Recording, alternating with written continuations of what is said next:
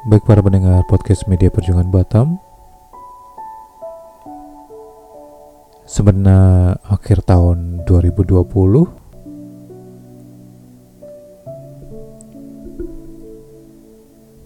Kita akan membahas tentang Waktu. Karena waktu adalah sesuatu yang tidak bisa dibendung ia akan terus bergerak sekalipun kita telah lelah untuk beranjak dari tempat kita berdiri sekarang.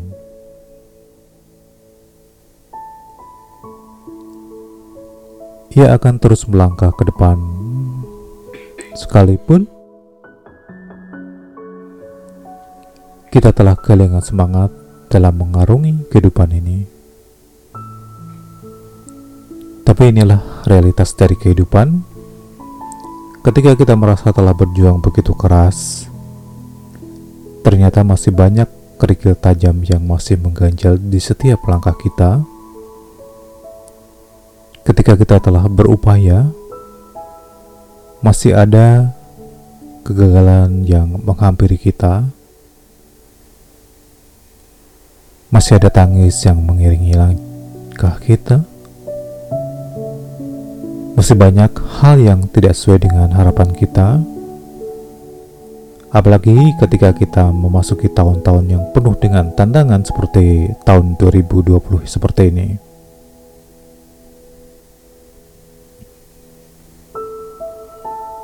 Di keluarga, ketika kita didudukkan sebagai anak, kita merasa kurang mendapatkan perhatian dari orang tua, dan pun sebaliknya dan pun sebaliknya sebagai orang tua kita masih merasa zaman anak sekarang sangat sulit dididik walaupun kita telah berupaya melakukan yang terbaik untuk mereka. Lalu ketika usia kita beranjak di dewasa dan bahkan mungkin ada yang telah menjadi kakek dan nenek, kita merasa ditinggalkan dan mungkin terabaikan kita jadi merasa kesepian.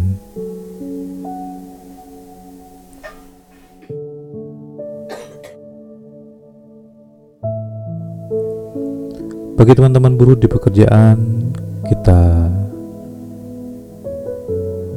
merasa tenaga kita telah diperas habis oleh perusahaan dan mungkin mereka sebagai pemilik perusahaan merasa karyawan kita kurang berdedikasi dan tidak bertanggung jawab dan hanya pintar menuntut. Dan ketika hal itu terjadi pada diri kita, kita tidak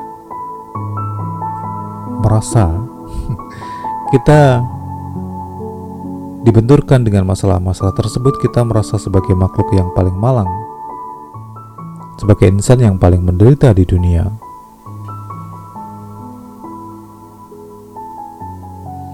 Kita pun segera bertanya-tanya, mengapa alam begitu tidak adil? Mengapa kita harus terlahir menanggung derita yang berkepanjangan ini? Ketika rentetan peristiwa datang bertubi-tubi dan pertanyaan itu tidak terjawabkan,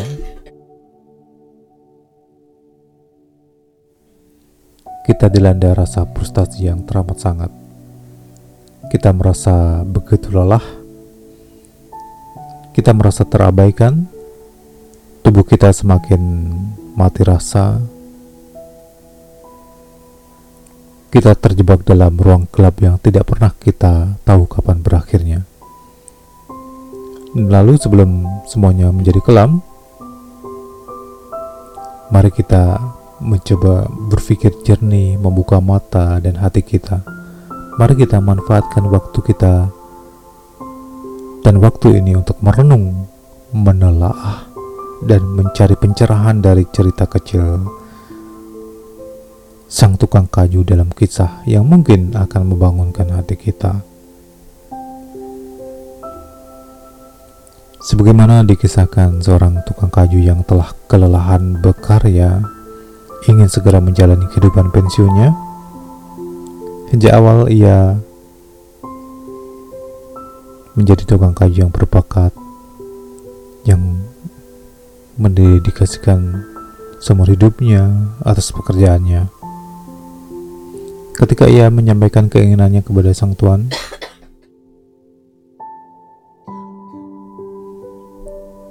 malah ia merasa diberi tugas terakhir yang harus ia emban sebelum pensiun. Sang majikan ingin membuat sebuah rumah untuk dirinya. Tukang kayu yang berbakat itu tiba-tiba berubah. Ia menjadi tukang kayu yang sembrono, tukang kayu yang asal-asalan, pukulan pukulan yang seharusnya ia ayunkan tiga kali tiba-tiba menjadi lebih lama